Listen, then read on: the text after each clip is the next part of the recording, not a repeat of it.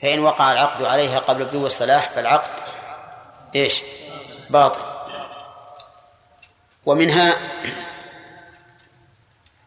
جواز بل وجوب السؤال عن الكلمة التي لا يتبين معناها إلا بالسؤال لأنهم سألوا أنس بن مالك عن الزهو ففسره لهم. ومنها أنه لا يجوز بيع النخل حتى يحمر أو يصفر. لكن هذا فيما يحمر أو يصفر. وأما بعض النخيل الذي يبقى أخضر لكنه يتمر فهذا يكتفى فيه بطيب بطيب الطعم ولا حاجة إلى اللون. ومن فوائد هذا الحديث أنه نعم لو بدا الثمر لو بدا اللون في نخلة. ولم يبدو في النخلة الأخرى. فإنه يصح بيع النخلة التي بدا فيها اللون ولا يصح بيع النخلة الأخرى. لماذا؟ لأن الحكم يدور مع علته. فهذه وجد فيها اللون فيصح بيعها وهذه لم يوجد فلا يصح. طيب فإن فإن باع الإنسان بستانه جميعا باعه جميعا فهل يكفي فيه أن يظهر اللون في واحدة منه؟ لأن الصفقة واحدة وما لم يظهر فيه اللون فهو تبع أو لا بد أن يكون اللون في كل شجرة أو يكتفى في اللون بكل نوع. هذه ثلاثة احتمالات. الأول الأخ أنت. أي. نعم. أي نعم. هل يشترط هل هل يكتفى؟ أن تكون نخلة واحدة والصفقة الباقية تبع. نعم نعم. هذه واحد. أو تكون واحدة من كل نوع أن تكتب واحدة من كل نوع نعم. والثالثة أن زيد. صح. عرفتم ولا لا؟ طيب. هذا ثلاثة احتمالات. فمن العلماء من قال بالأول. وقال إذا بيع البستان وفيه نخلة واحدة ملونة لكنه صفقة واحدة صح البيع. ومنهم من قال لا يصح البيع. إلا إذا وجد اللون في كل شجرة بمفردها. ومنهم من فصل وقال إن كان النوع واحدا. جاز. وإلا وإلا فلا. وهذا القول كما ترون قول وسط. قول وسط. والغالب أن خير الأمور الوسط. وعلى هذا فإذا باع البستان جميعا. وكان فيه أربعة أنواع. قد ظهر اللون في كل واحدة من كل نوع. فالبيع صحيح. وإن باع وإن وجد اللون في ثلاثة أنواع. فقط فالرابع لا يصح. في نوعين فالثالث والرابع لا يصح. في واحد في, في واحد فالثاني والثالث والرابع لا يصح. وأظن المثال واضح. ها؟ طيب. فإن قلت أرأيت لو باع نوعا من النخل ولم يبدو الصلاح إلا في حبة واحدة من شجرة واحدة. وقد باع النوع صفقة واحدة. يجوز؟ ها؟ هذا نخل سكري عشر نخلات باعه شخص ولم يكن فيه إلا حبة واحدة من شجرة واحدة. يجوز ولا لا؟ يجوز يجوز. طيب قال فإن صعد الشجرة وأكلها وأكلها ثم باعها بعد أن أكلها. نعم هذه وقعت. ما هي مفروضة هذه؟ هذه وقعت. كانوا يبيعون ثمار النخل وشكوا هل هذه فيها شيء أو لا فصعد واحد للشجرة فوجد فيها حبة ملونة فأكلها ثم نزل. فهل يصح بيعها؟ نعم. إيه. اي الظاهر الظاهر لأنه يصح. نعم. لماذا؟ لأنه قد بدا فيها الصلاح. وكونه يأكل أو ما ياكل أو ما يأكل هذا لا أثر له. نعم لو فرض انه إنه أكل قبل أن يبحث في الموضوع ونحن لم نعلم قلنا لا نبيعها حتى تلون اي نعم. قال وعنه رضي الله عنه عن من؟ أنس رضي الله عنه أن النبي صلى الله عليه وسلم نهى عن بيع العنب حتى يسود وعن بيع الحب حتى يشتد رواه الخمسة إلا النسائي وصححه ابن حبان والحاكم. هذا كالذي قبله تقريبا إنما هو مثال مما قبل عن بيع العنب حتى يسود لأنه قبل اسوداده لم يبدو صلاحه. وهذا في العنب الذي يلون. ويكون أسود. أما الذي لا يلون كما هو معروف في أصناف كثيرة من العنب ما تلون فالعبرة بماذا؟ بحس نعم بكونها صالحة للأكل. تكون لينة وحلوة. فإذا لانت وحلولت حل بيعها. عن بيع الحب حتى يشتد إيش الحب هذا؟ القمح. الذرة الشعير نعم القمح هو البر وغير هذا فول وعدس ومدري إيش. كثير. المهم الحب لا يباع حتى يشتد. أما ما دام لينا فإنه لا يباع لأنه لا يبدو صلاحه وتذهب عاهته إلا إذا اشتد. طيب. نرجع إلى هل يستثنى من هذا شيء؟ نقول نعم. يستثنى من ذلك ما إذا شرط قطعه فإذا اشترى الزرع قبل أن يشتد يريد أن يكون علفا. يحصده, يحصده الآن. فالبيع صحيح لأنه ينتفع به الآن. كذلك العنب. إذا اشترى عنبا حصرما لكن هو يريد الحصر. يخلطه في أدوية أو غير ذلك ويبي يقطعه الآن فهذا لا بأس به.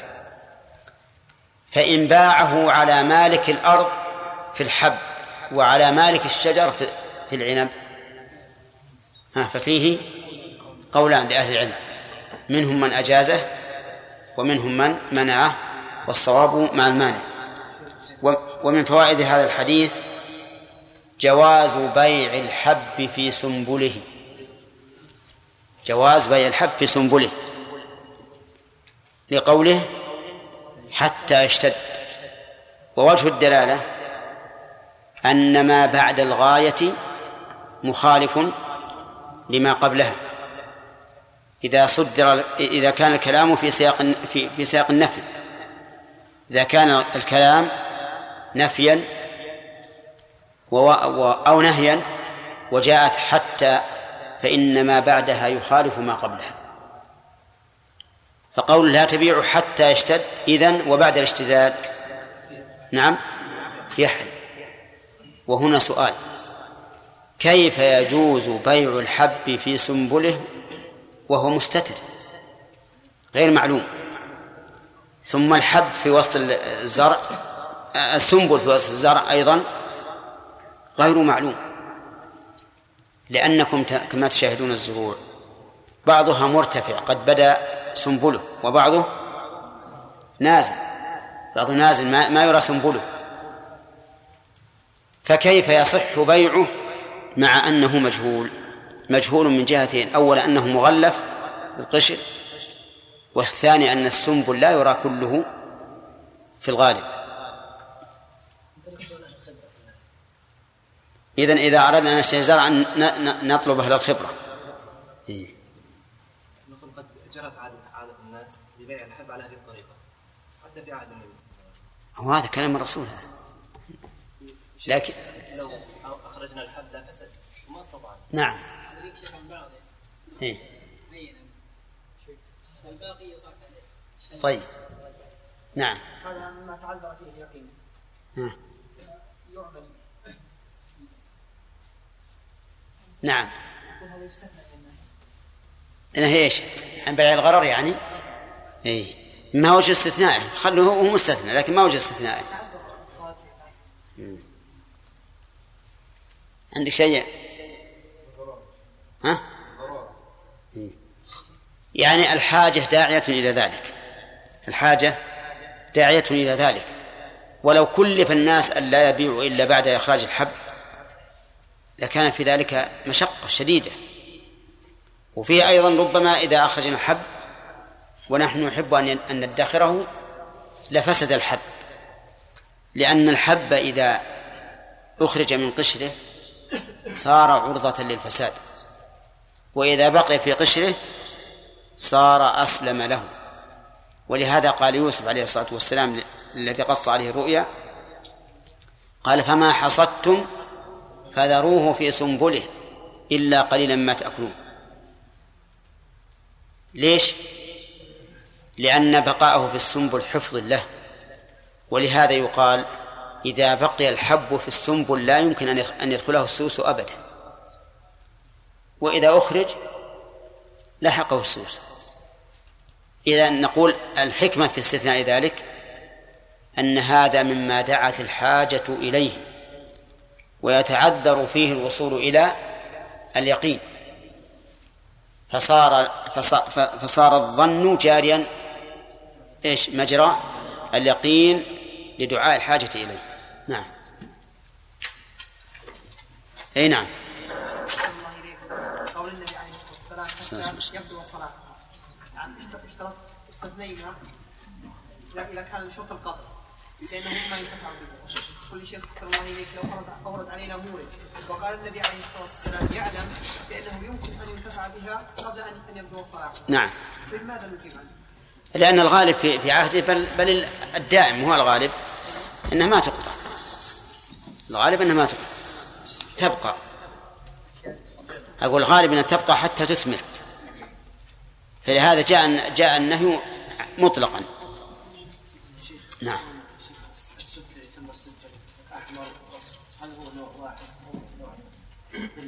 لا هذا نوعان. هذا نوعان حتى يختلف في الحجم. اي لكنه بس يختلف في الحجم وفي المذاق وفي الانتفاع. إي نعم ليس صلاح الله. نعم. ها؟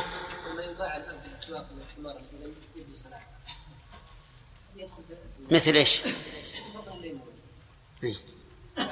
لا هذا مقطوع ذا المنهي على ثم على شجرة. اللي مقطوع لو تبيع غصن من الاغصان ما في بأس. ما دام ينتفع به. نعم. الواحد عنده بستان في أحد النخيل زهى ثمرها نعم. باعها على زيد والباقي باع على عمرو يجوز؟ اللي ما زهى؟ لا ما يجوز. حتى لو باع على زيد الذي زهى ثم جاء بصفقة أخرى وباع عليها الذي لم يزهو ما جاز. نعم. يكفي بظهور حبة واحدة في النخلة ولا لابد أن الزهو على كل جميع. أنت نائم ولا مفارق؟ لا إذا طلع وأكلها. أنت ما فطنت إلا لكن يا نعم.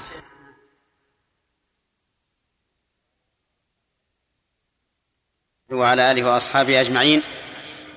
قال رحمه الله تعالى وعن جابر بن عبد الله رضي الله عنهما. قال قال رسول الله صلى الله عليه وسلم لو بعت من أخيك ثمرا فأصابته جائحة فلا يحل لك أن تأخذ منه شيئا بما تأخذ مال أخيك بغير حق رواه مسلم. وأظن قبل أن نشرع في شرح الحديث نناقش فيما سبق. قال ابن عمر رضي الله عنهما نهى النبي صلى الله عليه وسلم عن بيع الثمار حتى يبدو صلاحها ما معنى يبدو يا عبد الرحمن؟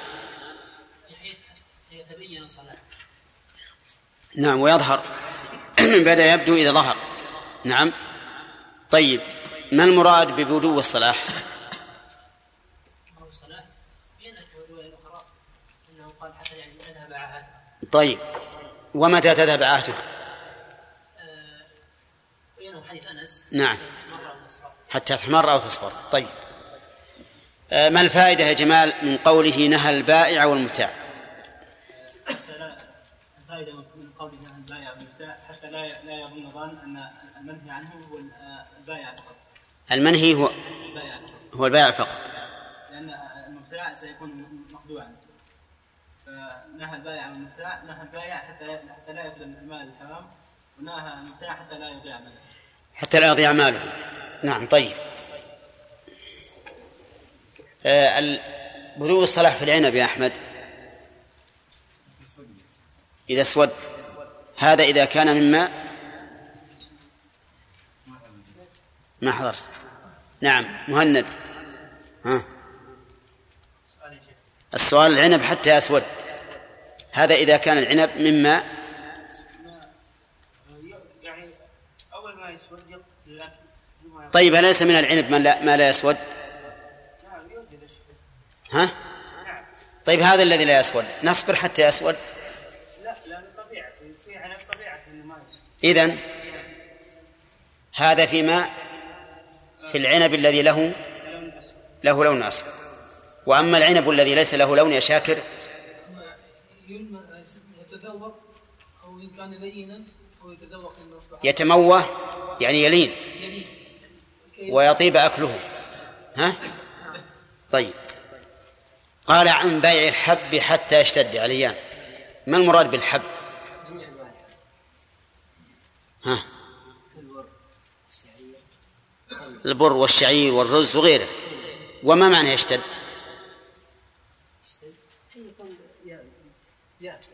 ها؟ يعني يقوى ويصلب. يكون صلبا قويا لأنه قبل ذلك ضعيف. طيب هل يستثنى من هذا شيء يا غانم؟ هل يستثنى من بيع الثمار قبل بدو صلاحها شيء؟ يعني لا. ما حضرت. ما عبد الرحمن؟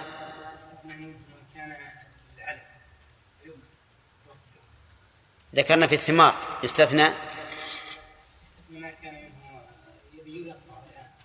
صح. ما بيع بشرط القطع الآن وبشرط أن ينتفع به أيضا. طيب وثانيا؟ ثانيا إذا كان على على على على المذهب. المذهب أنه إذا كان باع باعه على صاحب على مالك الأصل طيب أحسنت. يلا يا عبد الله. ها؟ كيف؟ ما هو؟ للعلاج وش هذا ما أدري عنه ها؟ نعم طيب ما يخالف ما يخالف على كل حال إحنا اشترطنا إذا إذا اشترط القطع سواء علفا للبهيمه أو كما تذكر أنه يكون للعلاج يشمل بشرط انه ينتفع به. طيب ما دليل هذا الاستثناء بالنسبة لما شرط قطعه؟ يلا عبد الله. إي نعم. حتى حتى ينتفع المشتري. لكن ما دليل.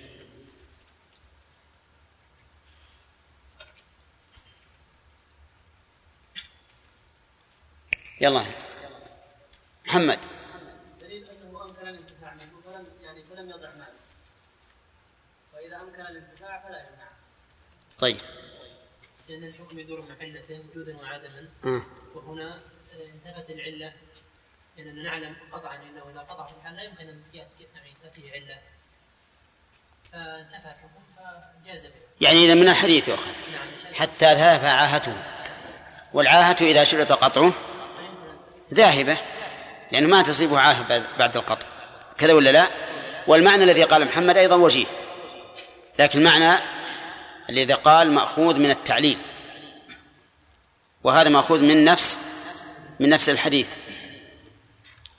المسألة الثانية ما دليله؟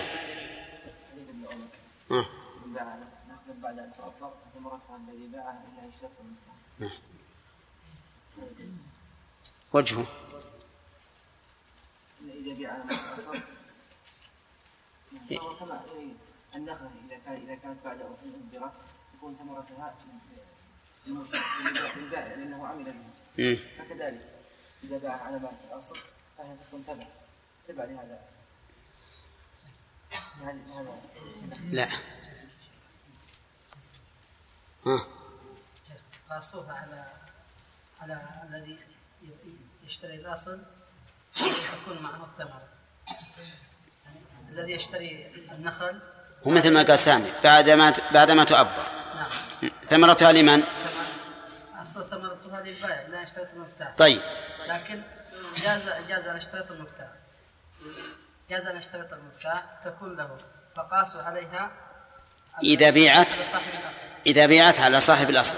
لأنه إذا اشترطها فكأنما اشتراها. كان مشترط. كذا؟ نعم وش قلتم يا جماعة؟ هذا واضح؟ واضح هذا هذا اللي هذا وجه الاستثناء؟ طيب. ذكرنا أن الوجه الأول أو أن المسألة الأولى استثناؤها صحيح. والمسألة الثانية أحمد؟ لماذا؟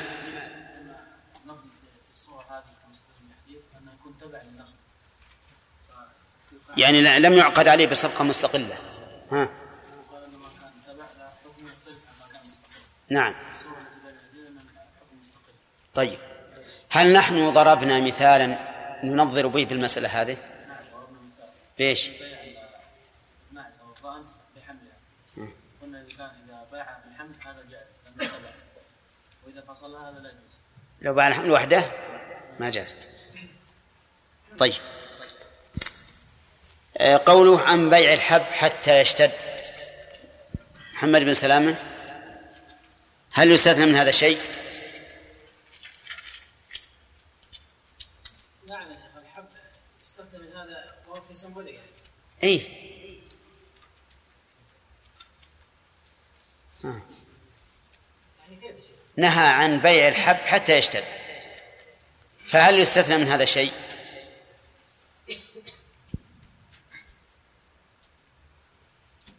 نعم. ها؟ قل. ها؟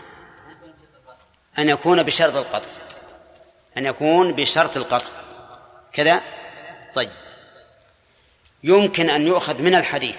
إحنا البارح ما أمس الدرس الأول ما أخ... ما بينا كيف يؤخذ من الحديث؟ ولا بيناه؟ ها؟ بيناه؟ تفضل قلنا يمكن ياخذ من الحديث ان يباع اللي باع الحب حتى وان له صلاح يعني بشرط القطع ها قلنا انه استدللنا بانه ما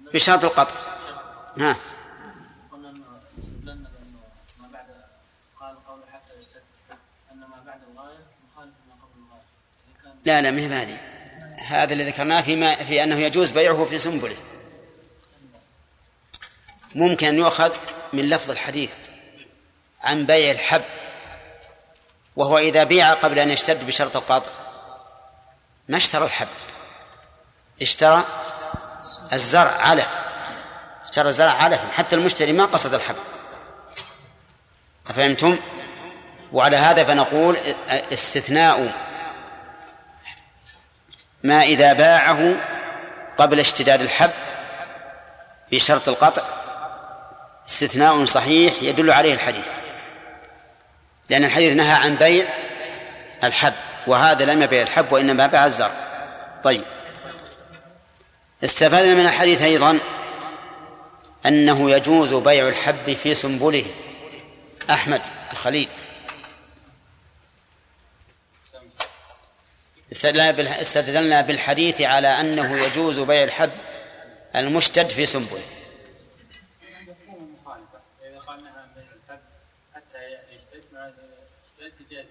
طيب أوردنا على هذا إشكالا.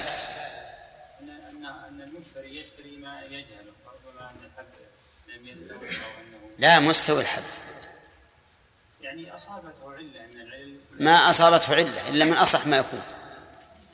مجهول يعني الحب اللي في في لأن الحب الذي في سنبل مجهول. طيب أجبنا عن ذلك؟ لأن الحاجة لأنه صعوبة الكشف عن عن هذا الشيء. نعم. ولأنه ربما يفشل إذا أخرجناه من سنبله. فللحاجة أبيح أن يباع طيب. صحيح هذا؟ طيب فيه فيه مسألة بعد أن نثيرها الآن. ألا يجوز أن يكون في بعض السنبل ما لم يشتد؟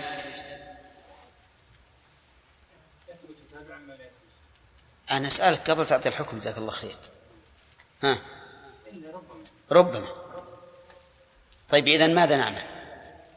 يعني إذا غلب على السنبل أو على أكثر السنبل أنه آه، يعني يشتد فالحكم يغالب يعني صار الثاني تبعا لمشقة التحرز منه ومشقة تمييزه. ما يمكن. طيب. يستثنى من ذلك أيضا صورة ثانية فيما إذا باعه على صاحب الأرض. على صاحب الأرض. فإن المذهب أنه جائز وعللوا ذلك بمثل ما عللوا به الثمار ولكن هذا ضعيف كما سبق. قال وعن جابر أخذنا الحديث. قال لو بعت من أخيك ثمرا لو هذه شرطية. وهي حرف امتناع لامتناع. تقول لو جاء زيد لأكرمتك. فقد امتنع الإكرام لامتناع المجيء. ويقابلها لما. لما فإنها حرف وجود لوجود. تقول لما زرتني أكرمتك فقد وجد الإكرام لوجود الزيارة ويتوسط بينهما لولا فإنها حرف امتناع لوجود. تقول لولا تخلفك عن زيارتي لأكرمتك ها؟ امتنع عن الإكرام لوجود التخلف لوجود التخلف. فصارت هذه الحروف الثلاثة استغرقت الزمن أو أو الأحوال. لو حرف امتناع لامتناع ولما حرف وجود لوجود ولولا حرف امتناع لوجود. ولو هنا شرطية بمنزلة إذا.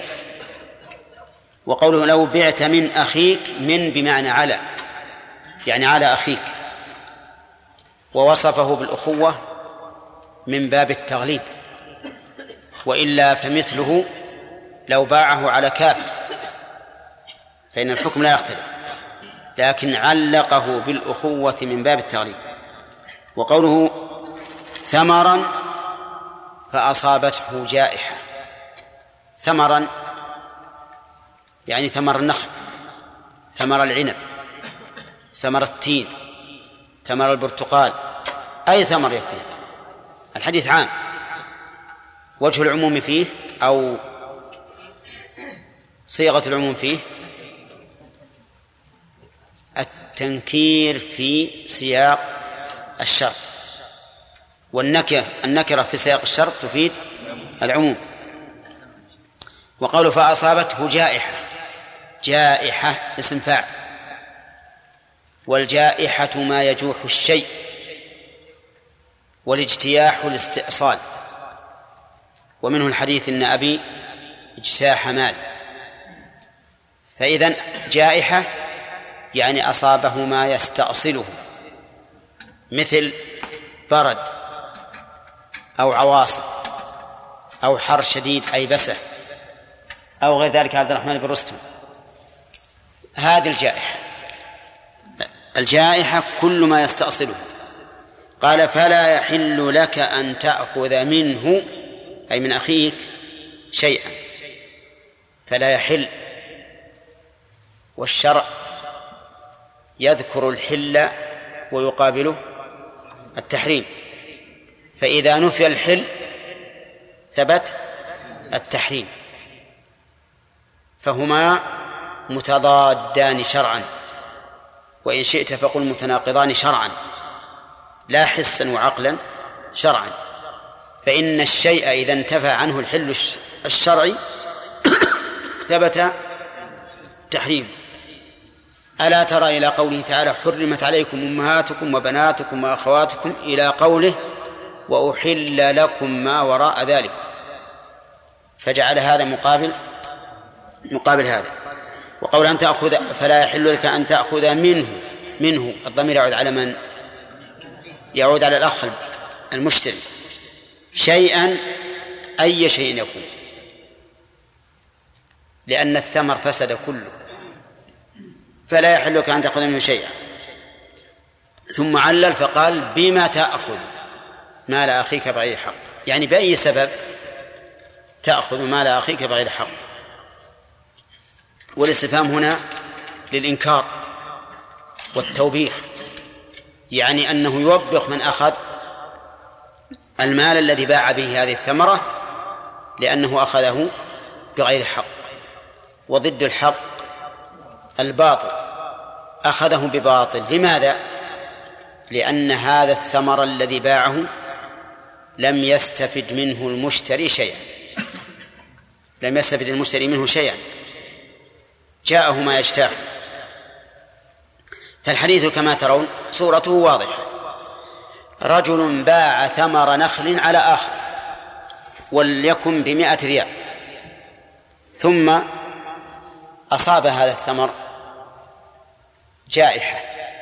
نزل عليه المطر وأفسده حتى انهمر في الأرض. فالمشتري إذن لا يستفيد منه شيئا. نقول لا يحل للبائع أن يأخذ من المشتري مائة ريال. ويكون الثمر الذي فسد لمن؟ للبائع. نعم. وهنا يقول بما تأخذ مال أخيك. فيدل هذا على أن على أن الثمن لم ينتقل إلى البائع. لأنه لو انتقل إلى البائع لم يصح أن يقال ما مال أخيك. إذن فالثمن ما زال على ملك المشتري ولا يحل البائع منه شيء. ففي هذا الحديث دليل على مسائل. المسألة الأولى ما ما يعبر عنه أهل العلم في وضع الجوائح بوضع الجوائح.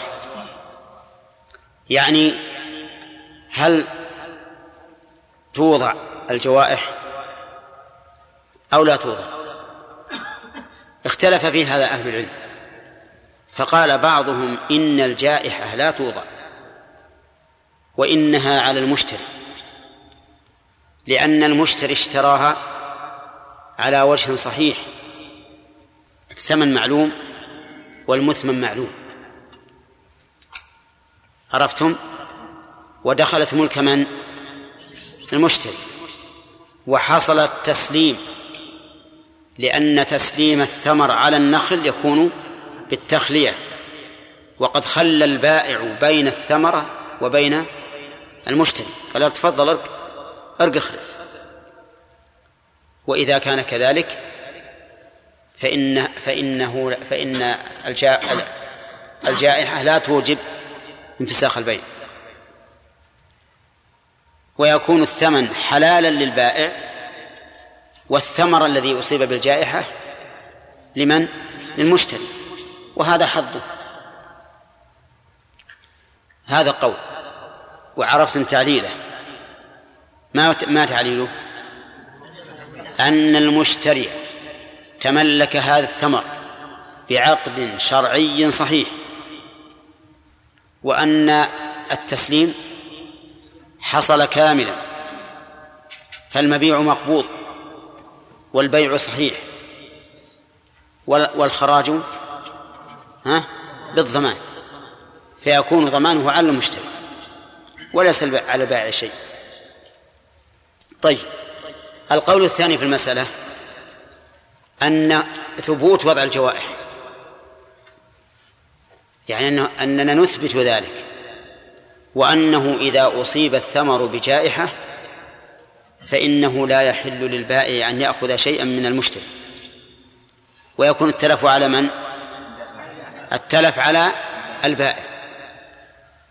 قال هؤلاء وبيننا وبينكم سنة رسول الله صلى الله عليه وسلم. والسنة حاكمة لا محكوم عليها. وكل شيء يخالف السنة ولو بني على رأي ونظر فهو باطل. فهو باطل. وعلى هذا فنحن أسعد بالدليل منكم. يقولونه لمن يقولون؟ بعدم وضع الجوارح لأن معنا حديث عن الرسول عليه الصلاة والسلام. قالوا يمكن يمكن أن يحمل الحديث على أنه من باب المروءة من باب المروءة وحسن الخلق. وأنه من باب المروءة لا ينبغي أن تأخذ منه شيئا لأن الرجل اشترى الثمر للأكل ولم يحصل له أكله فلا فلا فلا يحسن أن تأخذ منه شيئا. قالوا لهم هذا يبطله النص لأن الرسول صلى الله عليه وسلم يقول فلا يحل لك. ما قال فالأولى بك. قال لا يحل لك. ماذا نقول أمام الله يوم القيامة؟ ورسوله عليه الصلاة والسلام يقول لا يحل لك. فما يمكن؟ الحديث صريح. ونقول وضعه ليس من باب المروءة بل من باب الإلزام بالشرع. فلا يحل للبائع شيء. طيب. قالوا إذن هذا الحديث على خلاف الأصول الشرعية. هذا الحديث على خلاف الأصول الشرعية. فما الجواب؟ الجواب أن هذا على الأصول الشرعية جار على الأصول الشرعية. ووجه ذلك أولا أن النص أصل شرعي بنفسه. حطوا بالكم من هذا؟ لأن بعض الناس مثلا يجي يقول الإجارة على خلاف الأصل. الإجارة على خلاف الأصل لأنها بيع معدوم. المنافع تأتي شيئا فشيئا. السلم على خلاف الأصل لأنه غرر ما يدري هل يحصل المسلم فيه ولا ما يحصل ما يحصل. ويأتون على هالأشياء مثل هذه الأشياء هذه خلاف الأصل. فنقول لهم بارك الله فيكم. الدليل أصل برأسه. ما حاجة نقول هذا خلاف الأصل. بل نقول الدليل أصل هو أصل. فإذا ثبت الحديث وثبتت الدلالة فهذا هو الأصل. إذا فنقول هذا على وفق الأصل لأنه نص حديث والحديث أصل. أنتم دائما تقولون الأصل في هذا الكتاب والسنة. إذن فهو أصل. ثانيا من جهة النظر هو جار على الأصل.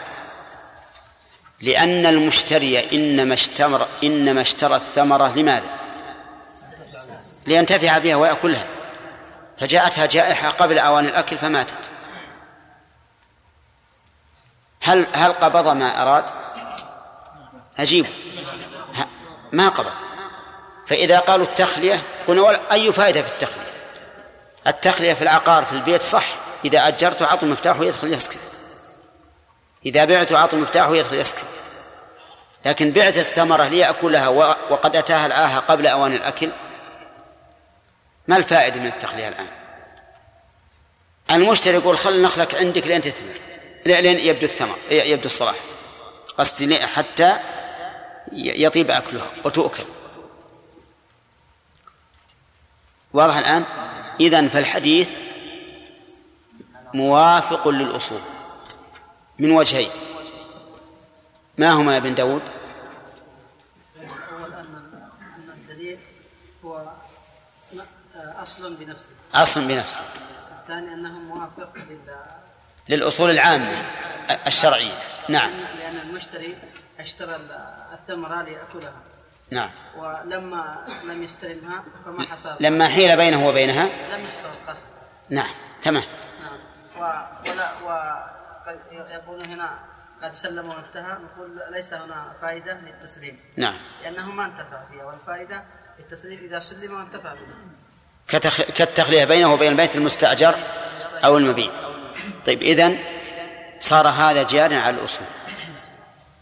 فيستفاد منه أنه لو أصيبت الثمر بجائحة فإنه لا يكون للبائع شيء. طيب الفائدة الثانية من فوائد الحديث لو أصيب الثمر بفعل المشتري. لو أصيب الثمر بفعل المشتري. بأن كان المشتري لا يعرف يخلف تعرفون الخراف ما هو؟ تعرف يا أحمد؟ آه. الخراف جني الثمر من النخل واحد يصعد الشجرة ويبدأ يلقط منها وش عندكم هذا وش سمى؟ ها؟ إيش؟ ما آه ما تعرف ولا وش يسمى عندكم؟ قطف طيب. على كل حال لو كان ها لو كانت هذه العاهة بفعل المشتري بأن كان المشتري لا يعرف يقطف لا يعرف يجني لا يعرف يخرف نعم فتأثر الثمر وهذا واقع. إذا باشر الخرافة من لا يعرف فسد الثمر فهل يكون على البائع أو لا؟ ها؟ يكون على المشتري. لأن الحديث فأصابته جائحة. طيب. ومن فوائد الحديث أنه لو لو أصيب بفعل آدمي غير البائع غير الجائحة وغير البائع وغير المشتري. فهل يأخذ منه شيء؟ هل يأخذ البائع من المشتري شيئا أو لا؟ طيب. نقول إن كان هذا الذي أخذ الثمرة مما لا يمكن تضمينه مما لا يمكن تضمينه فهو كالعاهة السماوية كالجائحة السماوية. وش مثال من لا يمكن تضمينه؟ كالجنود مثلا. جنود. جاء الجند وأخذوها نعم. جاء الكفار وأخذوها ولا يمكن تضمينه. نقول هذه كالجائحة من السماء. لعدم إمكان تضمين الآخر. وإن كان الآخر ممن يمكن تضمينه كرجل معين كرجل معين. فماذا يكون الحكم؟ قال أهل العلم يخير المشتري بين الرجوع على الذي أخذها أو على البائع. فإن رجع على الذي أخذها سلم البائع وإن رجع على البائع أخذ البائع من المشتري من المفسد من الذي أفسد الثمرة. مثاله بعت ثمرة على شخص فجاء السارق في الليل فجذها ومشى بها. وهو معروف. أو جاء إنسان غلط فيها غلط يحسب أنها نخلة. يحسب أنها نخل فأخذ ثمرها. فماذا نقول؟ نقول يخير المشتري بين أن يبقي البيع أو يبقي العقد ويطالب من أخذ الثمرة أو يفسخ العقد ويكون المطالب من؟ البائع. طيب أيهما أحسن؟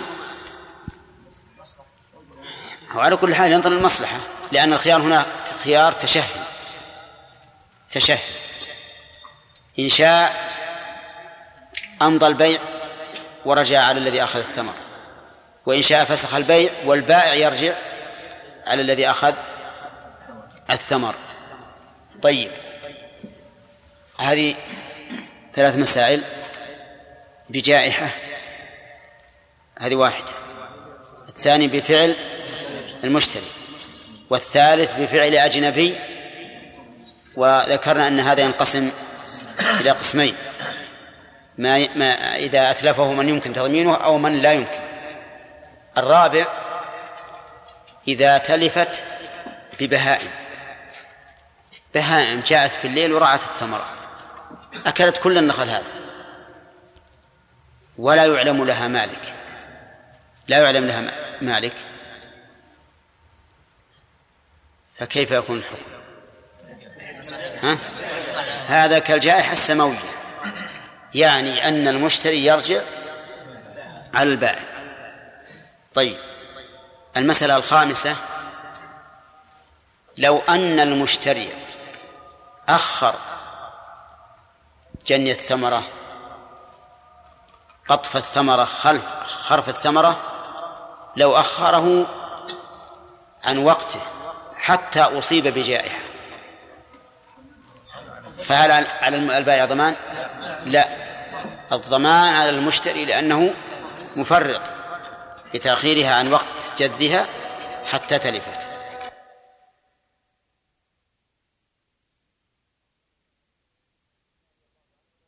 رضي الله عنهما عن النبي صلى الله عليه وسلم قال من ابتاع نخلا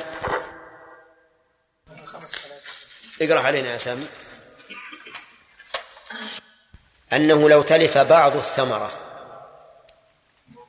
دون دون بعض فلكل حكم.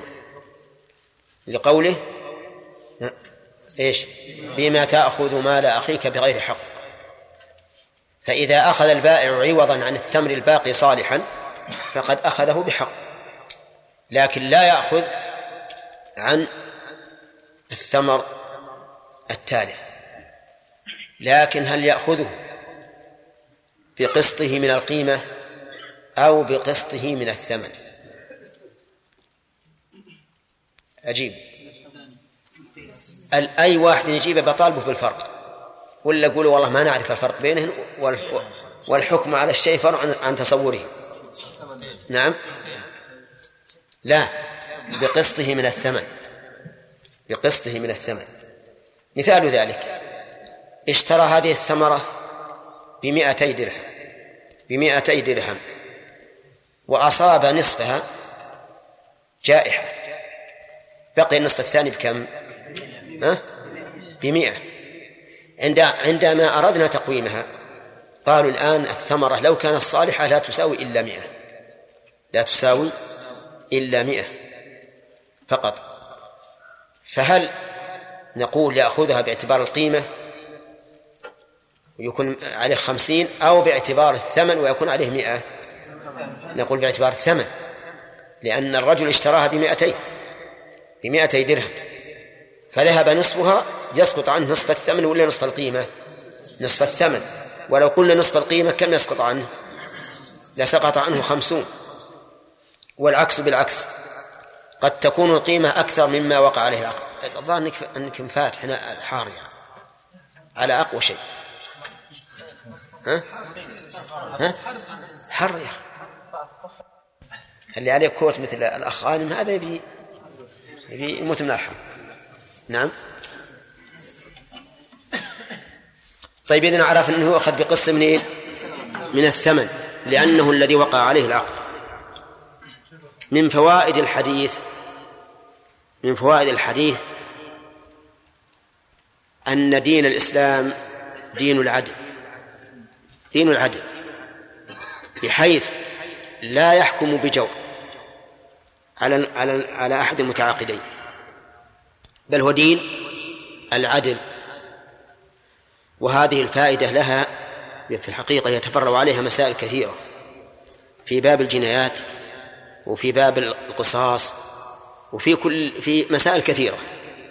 فمثلا لو أن رجلا قطع يد رجل نسأل الله العافية في مخلب.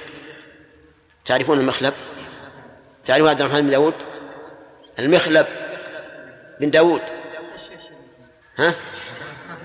المخلب الذي يحصد به الزرع وتجد به الثمرة. لا إيش؟ ما حش. طيب لو أنه قطع يده في مخلب وحكمنا عليه بالقصاص حكمنا على القاطع بالقصاص فهل نقطع يده في بمخلب ولا بآلة حادة سريعة؟ ها؟ بمخلب. نقطعها بمخلب لأن هذا هو العدل. كيف نقطع هذا الجاني المجرم بشيء سريع مريح وهو قد آذى المجني عليه؟ ويدل لذلك عموم قوله تعالى والجروح قصاص. والجروح قصاص. وقوله تعالى فمن اعتدى عليكم فاعتدوا عليه بمثل ما اعتدى عليكم.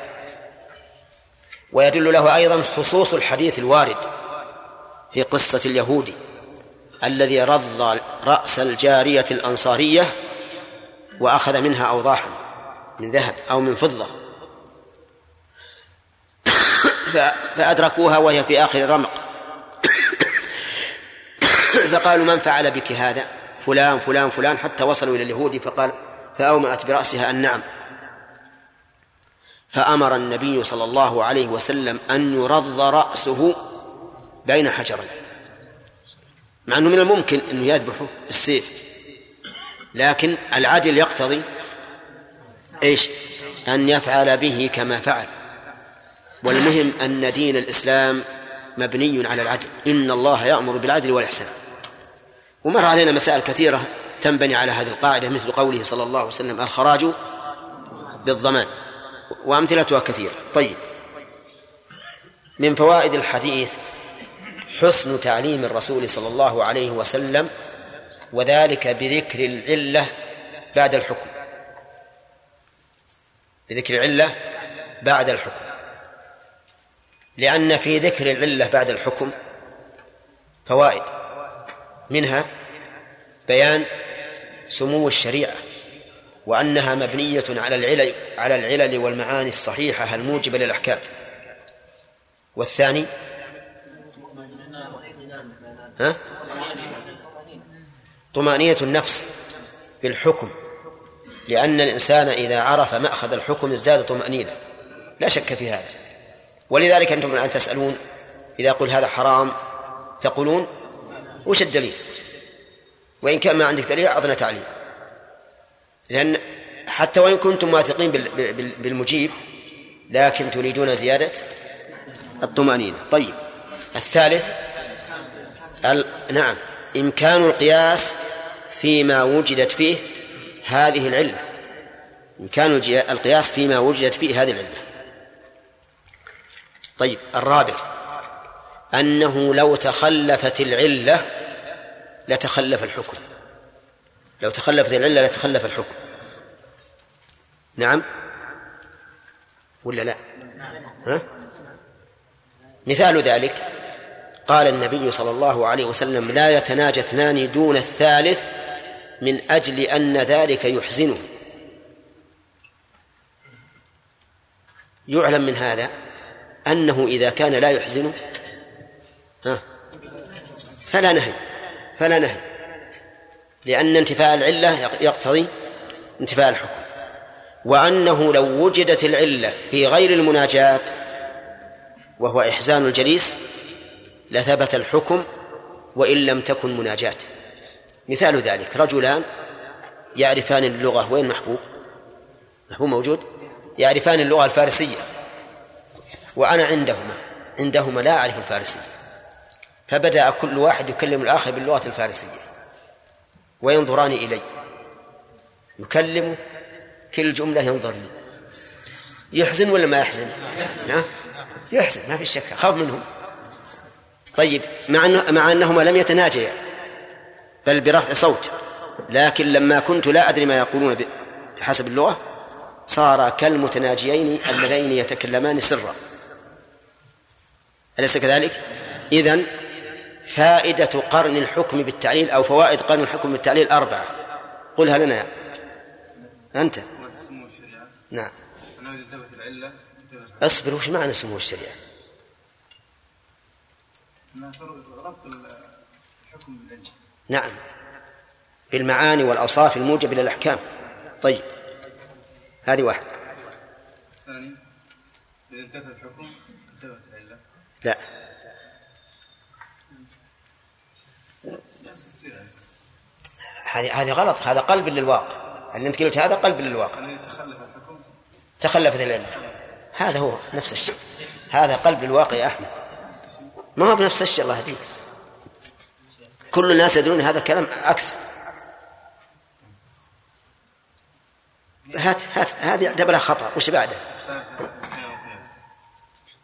إمكان القياس فيما شارك الحكم في العلة. طيب. زيادة الطمأنينة زيادة الطمأنينة نعم. أنه إذا تخلفت العلة تخلف الحكم. كذا ولا لا؟ طيب. ثم قال المؤلف عن ابن عمر رضي الله عنهما عن النبي صلى الله عليه وسلم أنه قال من ابتاع نخلا بعد أن تؤبر. ابتاع بمعنى اشترى. وباع بمعنى باع. أو أقول باع بمعنى شرى ها؟ صح؟ باع بمعنى شرى وابتاع بمعنى اشترى. صحيح؟ نعم. باع بمعنى شرى ومثاله قوله تعالى ومن الناس من يشري نفسه ابتغاء مرضات الله. يشري بمعنى يبيع. طيب. قوله من ابتاع نخلا بعد أن تؤبر. نخلا. هل المراد النخل؟ أصله. أو المراد ثمر النخل؟ المراد أصله. أصل النخل. يعني رجل باع نخله. وقول بعد أن تؤبر أي بعد التأبير والتأبير هو التلقيح. التأبير هو التلقيح. فثمرتها للبائع. يعني هذه الثمرة الموجودة في النخلة تكون للبائع مبقاة إلى أوان أخذها مبقاة إلى أوان أخذها. إلا أن يشترط المبتاع إلا أن يشترط المبتاع. يشترط يعني يشترط أن هذه الثمرة المؤبرة له. فإن اشترط ذلك وتنازل عنها البائع فالحق له فلا بأس. فلا بأس. انتبهوا يا جماعة هذا معنى الحديث. وقول من ابتاع نخلا فقول من ابتاع نخلا بعد أن تؤبر يستفاد إلى آخر الحديث يستفاد منه فوائد. الفائدة الأولى أن من اشترى نخلا بعد التأبير فثمرتها للبائع. والحديث في ذلك صريح. والحكمة هو أن البائع عمل في هذه الثمرة عملا يصلحها لأن التأبير يصلح الثمر.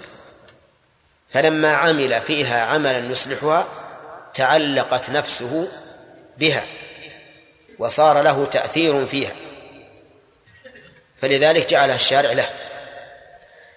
ومن فوائد الحديث أنه لو باعها قبل التأبير فثمرتها للمشتري. ثمرتها للمشتري. لأن البائع لم يفعل فيها شيئا. وظاهره حتى وإن تشقق الثمر. تشقق الثمر. يعني انفرج الكافور عن الثمرة حتى بدت. خلافا لقول بعض العلماء إنه إذا تشقق الثمر فهو للبائع. وهذا القول ضعيف بلا شك لأننا لو علقنا الحكم بالتشقق لا لكنا محرفين للنص من وجهين. الوجه الأول أننا اعتبرنا مناط الحكم شيئا لم يعتبره الشارع. إيش هذا؟ لأننا اعتبرنا مناط الحكم إيش؟ التشقق. والشارع لم يعتبره. الثاني أننا ألغينا وصفا اعتبره الشارع وهذا لا شك أنه جناية. الشارع جعل الوصف إيش؟ بالتأبير والعلة واضحة فيه. فلا يصح إلحاق التشقق به.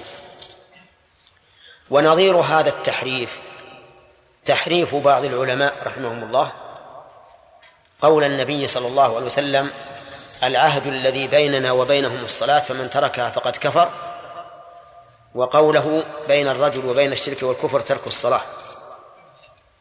حيث حرفوا الحديث إلى أن المراد به من تركها جاحدا لوجوبها.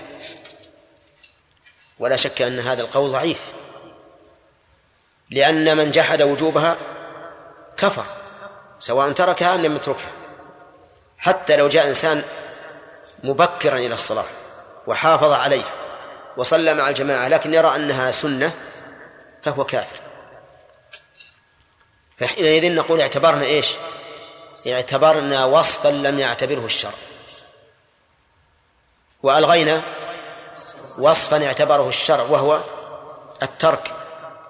وهو الترك. وهذا تحريف بلا شك. أن يلغي الإنسان وصفا علق الشارع الحكم عليه ثم يأتي بوصف آخر. ثم هو منتقد. منتقد بمن؟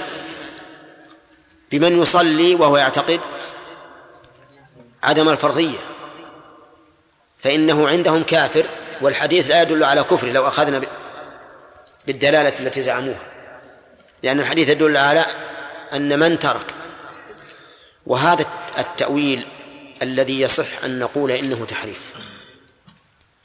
نظيره تحريف بعضهم قوله تعالى ومن يقتل مؤمنا متعمدا فجزاؤه جهنم خالدا فيها وغضب الله عليه ولعنه وأعد له عذابا عظيما. قالوا المراد بذلك من؟ قتله مستحلا لقتله. مستحلا لقتله. وقد عرض هذا القول على الإمام أحمد فتبسم. وقال سبحان الله إذا استحل قتله فهو كافر وإن لم يقتله. والوعيد على من؟ على القاتل. فهذا اعتبار وصف لم يعتبره الشارع وإلغاء وصف يعتبره الشارع. وسبب هذا وسبب ارتكاب مثل هذه الأمور. يعني لو قال قائل كيف هؤلاء علماء أجلة؟ كيف يرتكبون مثل هذه الأمور؟ نقول سببه العلة التي يجب التخلي منها وهي أن الإنسان يعتقد ثم يستدل. يعتقد ثم يستدل. لأنه إذا اعتقد أولا ثم استدل حاول في كل النصوص التي تخالف اعتقاده أن يحورها إلى ما يقتضيه اعتقاده. وحينئذ يجعل النصوص تابعة لا متبوعة. والواجب على كل مؤمن أن يستدل ثم يعتقد فيجعل الاعتقاد تابعا للاستدلال حتى تكون الأدلة متبوعة لا تابعة. على كل حال آه، نحن نريد أن يعني استطراد هذا لكنه فيه فائدة إن شاء الله. إذا باع نخلا قبل أن تؤبر ولو تشقق ها فثمره لمن؟ للمشتري. لأن هذا ظاهر الحديث. فالواجب العمل به. طيب من فوائد الحديث مراعاة النفوس. مراعاة النفوس فيما تتعلق به. ما أدري واضح الفائدة هذه ولا لا؟ لأن الشارع راعى البائع حيث الذي أبر النخل حيث تتعلق إيش؟ نفسه به. وهذه حتى في مسائل العبادة. يعني في المعاملات قد تكون ظاهرة لكن حتى في مسائل العبادة. ألم تروا إلى الرجل الذي جاء إلى رسول الله صلى الله عليه وسلم فقال يا رسول الله في عام الفتح إني نذرت إن فتح الله عليك مكة أن أصلي في بيت المقدس. قال صل ها هنا. فأعاد عليه. قال صل ها هنا. فأعاد عليه. قال شأنك إذن. أو شأنك إذن. فلما رأى نفسه متعلقة بأن يذهب إلى بيت المقدس ما منعه. خله يروح. وأم المؤمنين عائشة رضي الله عنها أحرمت متمتعة بالعمرة إلى الحج في حجة الوداع. وأصابها الحيض بسرف. ولم تتمكن من إتمام العمرة. فأمرها النبي صلى الله عليه وسلم أن تدخل الحج على العمرة. ويحصل لها بذلك أجر عمرة وحجة أجر عمرة وحجة. حتى قال لها طوافك بالبيت وبالصفا والمروة يسعك لحجك وعمرتك. لكن لما انتهى الناس من الحج ألحت على رسول الله صلى الله عليه وسلم إلا أن تأتي بعمرة. فأذن لها الرسول عليه الصلاة والسلام. وأرسل معها أخاها عبد الرحمن بن أبي بكر. ولم يقل له أحرم بالعمرة لأنك ذاهب إلى الميقات. ولم يرشده لذلك. مما يدل على أن العمرة بعد الحج خاصة بمن كان مثل عائشة رضي الله عنها. لا لكل أحد. على كل حال أقول إن الشرع ولله الحمد يعطي النفس شيئا من الحظوظ أجاز النبي عليه الصلاة والسلام للإنسان إذا مات له ميت أن يحد في خلال إيش؟ ثلاثة أيام. لأن النفس قد تنكسر بالمصيبة ولا تستطيع أنها يعني تفعل ما كان يفعله الإنسان غير مصاب. فأذن له الشرع بأن يحد ثلاثة أيام فقط. المهم أننا نقول هذا لتتبين أن الشرع ولله الحمد مناسب للفطرة ولما تقتضيه النفوس وهذه من نعمة الله عز وجل. طيب. نعم. التعلق بالنفس تعلق حتى إذا تشبه. ولكن هذا التعبير فيه تعب وفيه إيه؟ إيه لكن ما تتعلق نفسه بما إذا تشقق كما تتعلق بما إذا أبطأ إنه فرق. ولا حتى لا حتى يمكن قبل تطلع. يقول أنا ودي أن نستمر لي هالسنة نعم. ها؟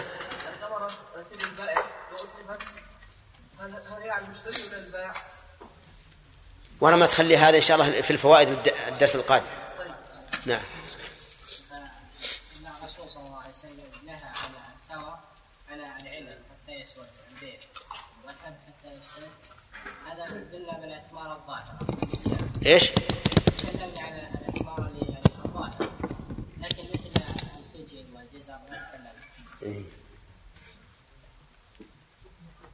وش تقولون في هذا؟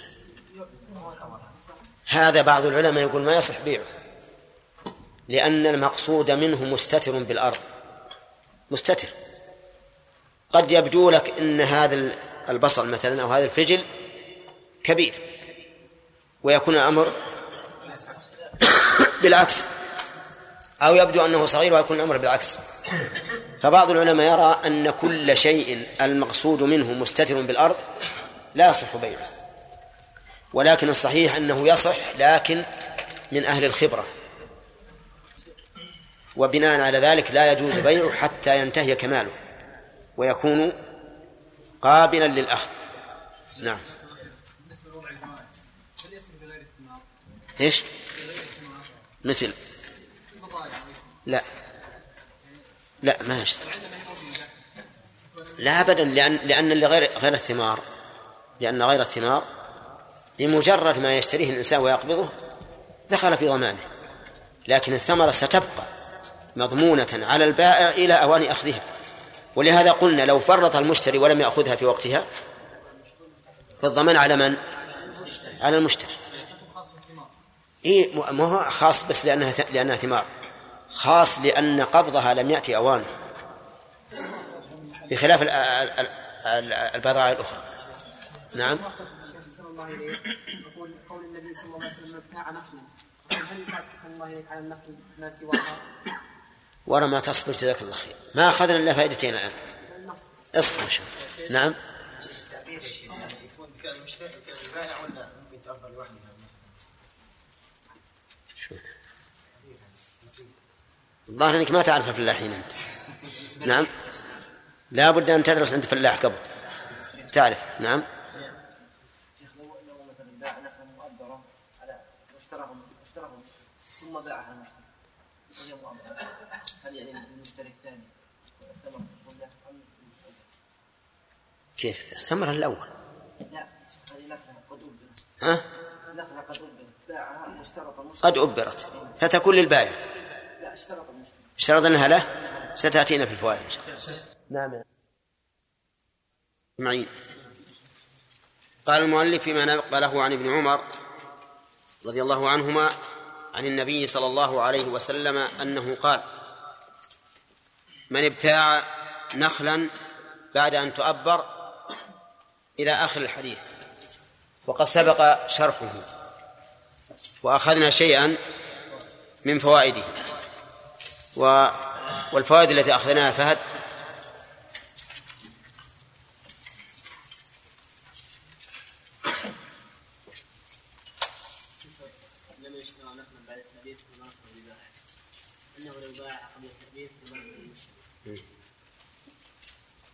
مراعاة النفوس فيما تتعلق به لأن الشارع راعى البائع الذي قدر النخل يتعلق نفسه طيب. بس. بسم الله الرحمن الرحيم. من فوائد الحديث أيضا جواز بيع النخل. جواز بيع النخل وعليه الثمرة وجواز بيعه قبل التعبير وبعده. ولكن إذا باع إذا باع النخل فما الذي يتناوله البيع؟ هل يتناول هل يتناول البيع الشجر الشجرة نفسها والأرض أو الأرض أو أو أو الشجرة وحدها. يعني مثل بعت عليك نخل. فهل يشمل أرضها أو هو خاص بالنخل فقط؟ والفرق بين الأمرين أننا إذا قلنا إنه يشمل الأرض فماتت تلك الشجرة. أو أصابها ما يتلفها. فهل تبقى الأرض للمشتري؟ أو لا؟ إن قلنا إن الأرض تتبع النخل فإنه ها؟ تبقى للمشتري. وإن قلنا إنه لا إن الأرض لا تتبع النخل فإن الأرض باقية للبائع هذه المسألة نقول المرجع فيها إلى العرف. المرجع فيها إلى العرف. والعرف عندنا أنه إذا قال إذا قال الناس باع فلان نخلة يريدون البستان كله أرضه وشجرة. فإذا كان العرف يقتضي أن النخل هو الشجر فقط دون الأرض فإن النخلة إذا تلفت فإن المشتري لها لا يملك غرس شيء مكانها لأن البيع لا يشمل الأرض. وهكذا قال العلماء فيما إذا رهن نخلا أو أوقف نخلا أو ما أشبه ذلك هل الأرض تتبع النخل أو لا؟ فالأصل أن الأرض لا تتبع لأن الأرض أصل والشجر فرع كما أن الشجر أصل والثمر فرع إلا أن يكون هناك عرف يخالف هذا فالمرجع فيه إلى إلى العرف. فالحديث الذي معنا يقول من باع نخلا فالمعقود عليه هو النخل. ومعلوم أن النخل في الغالب أنه إذا إذا بيع بعد التعبير سيبقى. ولكن الذي ذكرناه لا يؤخذ في الحقيقة من الحديث لا نفيا ولا إثباتا لكن ذكرناه للأهمية. ومن فوائد الحديث أنه يجوز للمشتري أن يشترط الثمرة بعد بعد التعبير لنفسه. لقول النبي صلى الله عليه وسلم إلا أن يشترط البائع آه، إلا أن يشترط المبتاع.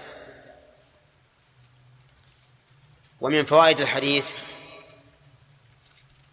أن أنه يثبت تبعا ما لا يثبت استقلالا. وجهه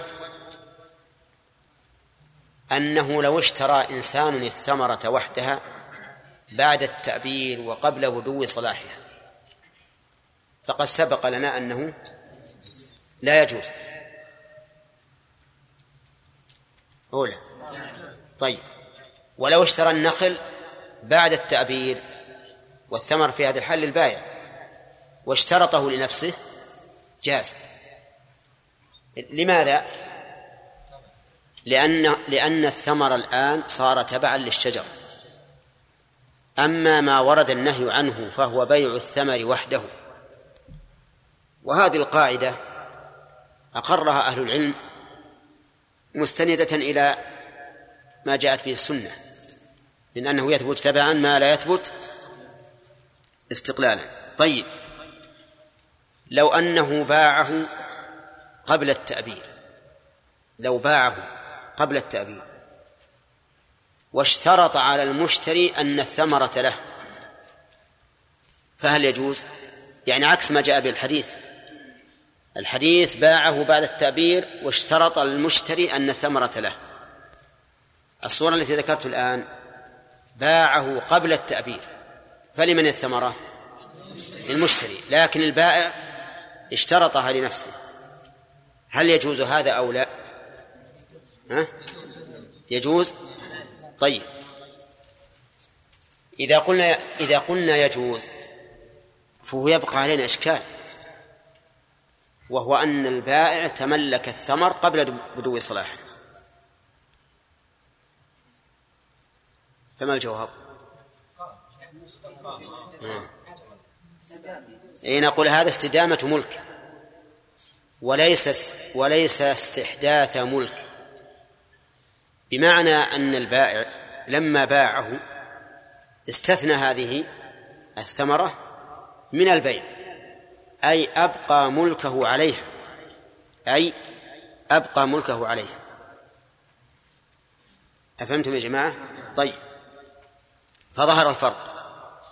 فظهر الفرق بين شخص يشتري الثمر مستقلا وبين أن يبقي ملكه عليه. فإن قال قائل وإذا قلنا بصحة البيع وأصاب الثمر جائحة فهل يضمن المشتري للبائع لأن الرسول صلى الله عليه وسلم قال لو بعت من أخيك ثمرا فأصابته جائحة فلا يحل لك أن تأخذ منه شيئا. فهل هذا البائع الذي اشترط أن الثمرة له؟ إذا أصيبت الثمرة يرجع على المشتري؟ الجواب لا يرجع. فإن أشكل عليك فإنه فإن الحديث واضح. يقول لو بعت من أخيك ثمرا والبائع هنا لم لم يشتري. بائع لم يشتري. وإنما استبقى ملكه. فهو لم يملكه من جهة المشتري حتى يضمن إياه ولكنه أبقى ملكه عليه. وعلى هذا فلو أصيب هذا الثمر الذي اشترطه البائع بجائحة فإنه لا يرجع على المشتري. طيب وإذا نقول في عكس هذا إذا اشترط المشتري الثمر الذي يستحقه البائع فأصيب بجائحة. ومتى يستحق البائع؟ ها؟ بعد التأبيد. فاشترطه المشتري ووافق البائع وصار الثمر للمشتري فأصيب بجائحة. فهل يرجع المشتري على البائع أو لا يرجع؟ نعم. طيب فكروا فيها ما دام اختلفتم الآن معناها المسألة تحتاج إلى نظر. ليست مسلمة. ما دام اختلفتم فيها فالمسألة تحتاج إلى نظر. فالذين قالوا إنه يرجع نحتاج إلى بيان حجتهم. من قال من؟ نعم. نعم. ماذا قال؟ ماذا قال؟ الأول الحديث من أمر بوضع الجواب. وهذا اشتراها وسبب وش قال الرسول؟ لو بعت من؟ من أخيك ثمرة فأصابته الجائحة نعم. فلا يحل لك أن تأخذ منه شيئا. فمما تأخذ؟ مال أخيك. نعم. بغير حق. فالآن هذا أخذ بنقود ولم ي... لكن هذا باع باع الثمر ولا ولا الشجر؟ باع الثمر والشجر أيضا؟ أنت إذا قلت أنه باع الثمر وقعنا في إشكال. نعم. لا. قلنا لا يصح بيعه قبل أن أن يبدو صلاحه لا. أنت متى قلت أن هذا بيع للثمر؟ لزم أن تبطل البيع لأنه قبل بدو الصلاح. لا بيع تبع النخل لكن وقع وقع عليه أيضا قيمه يعني الآن لو قال البائع بعتك الثمر النخل بمائة ألف والثمر بعشرة آلاف. ما صح البيع. تبعا؟ لا قال هكذا. قال بعتك النخل بمائة ألف والشجر والثمر بعشرة. يصح. وأبد بعتك كذا هذا هذا التعبير بعتك الث- النخل بمائة ألف والثمر بعشرة تدفع إذن هذا ما قال ما قال بعتك هذا النخل وهذا الثمر. حتى نقول عقد عليه البيع. المجاز ممنوع. لا لا ما قلنا مجاز تجوز؟ ما- وش معنى تجوز؟ تجوز هذا المجاز. يا شيخ يرجع. اي الظاهر لأنه لا يرجع. الفقهاء صرحوا بأنه لا يرجع ما في إشكال لكن الكلام على كل حال لا هي لو قيل يرجع يقدر. يقدر النخل خاليا من الثمرة ويقدر فيه الثمرة وما بينهما هو قيمة الثمرة. لكنه لا يقدر لأن هذا تابع. والحديث يقول لو بعت من أخيك ثمرا وأنا ما بعت فهو يشبه والله أعلم الصفة. والقول بال والقول بالرجوع له وجه قوي في الواقع لأن الظاهر أن اشتراط المشتري للثمر سوف يزيد به الثمن سوف يزيد به الثمن. يعني ليس سواء عند البائع أن يبيعه والثمرة له أو أن يبيعه والثمر للمشتري. لا شك أن الثمن سيزيد. فلهذا يترجح القول بأنه بأنه يرجع على المشتري. آه لا قصدنا المشتري هو اللي اشترط. يرجع على البائع لأن المشتري اشترط أن يكون الثمر له. اشترط أن يكون الثمر له. ويكون قول الرسول صلى الله عليه وسلم لو بعت من أخيك ثمرا. هذا بناء على الغالب. أما من باع نخلا وعليه ثمر للبائع واشترطه الظاهر أنه يعني القول بأنه يرجع كما لو اشتراه استقلالا قوي. والمسألة تحتاج إلى تأمل في الواقع. تحتاج إلى تأمل. لأن لأنه كما ذكرت إذا اشترط المشتري أن الثمر له فسوف يزيد في الثمن. بلا شك. نعم. طيب ومن فوائد هذا الحديث جوا- جواز الش- الشرط في البيع. جواز أو بعبارة أصح جواز البيع مع الشرط. جواز البيع مع الشرط. وهذا له أصول كثيرة تشهد له. عموما وخصوصا.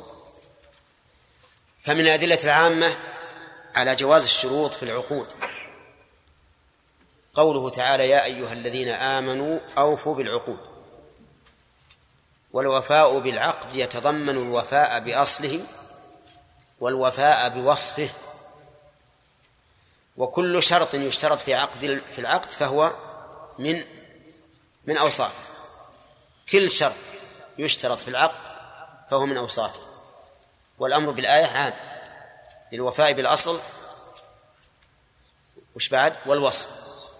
ولقوله تعالى وأوفوا بالعهد إن العهد كان مسؤولا. والمشترط على نفسه شروطا معاهد. معاهد لمن؟ لمن اشترطه. فيكون هذه الآية تدل على على جواز الشروط والوفاء بها. ولقول النبي صلى الله عليه وسلم كل شرط ليس في كتاب الله فهو باطل. فإنه يدل بمفهومه على أن كل شرط لا يخالف كتاب الله فهو صحيح. طيب. ولأن النبي هذه عامة أدلة عامة. ولقوله صلى الله عليه وسلم أحق الشروط أن توفوا به ما استحللتم به الفروج. كل هذه أدلة عامة من الكتاب والسنة دليلان من القرآن ودليلان من السنة. أما أما الخاصة فقد ثبت في الصحيحين وغيرهما من حديث جابر أن الرسول صلى الله عليه وسلم اشترط منه جمله اشترى منه جمله واشترط جابر عليه أن يحمله إلى المدينة فقبل الرسول صلى الله عليه وسلم هذا الشرط. وهذا نص في الشرط في البيوع. وثبت في الصحيحين من حديث في الصحيحين من حديث عائشة رضي الله عنها. في قصة بريرة. حيث اشترطوا أن يكون الولاء لهم فأبطله الرسول صلى الله عليه وسلم وقال كل شرط ليس في كتاب الله فهو باطل. فهو دليل على أن هذا الشرط الخاص في العقد في عقد البيع لو كان لا يخالف الشرع لكان صحيح. وهذا الحديث معنى واضح وصريح. إذن فيكون ما ما جاء في الحديث أن النبي صلى الله عليه وسلم نهى عن بيع وشرط. عن بيع وشرط.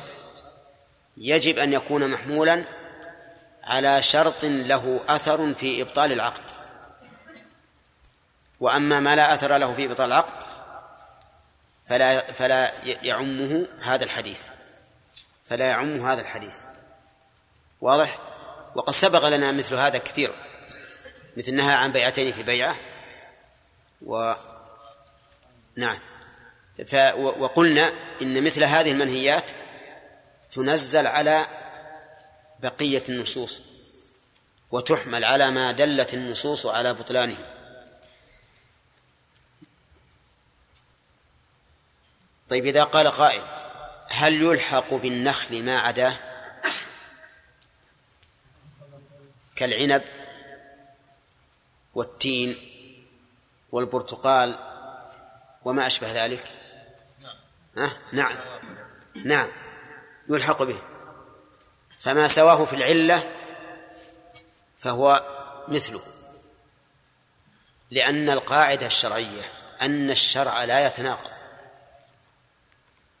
ولو كان من عند غير الله لوجدوا فيه اختلافا كثيرا.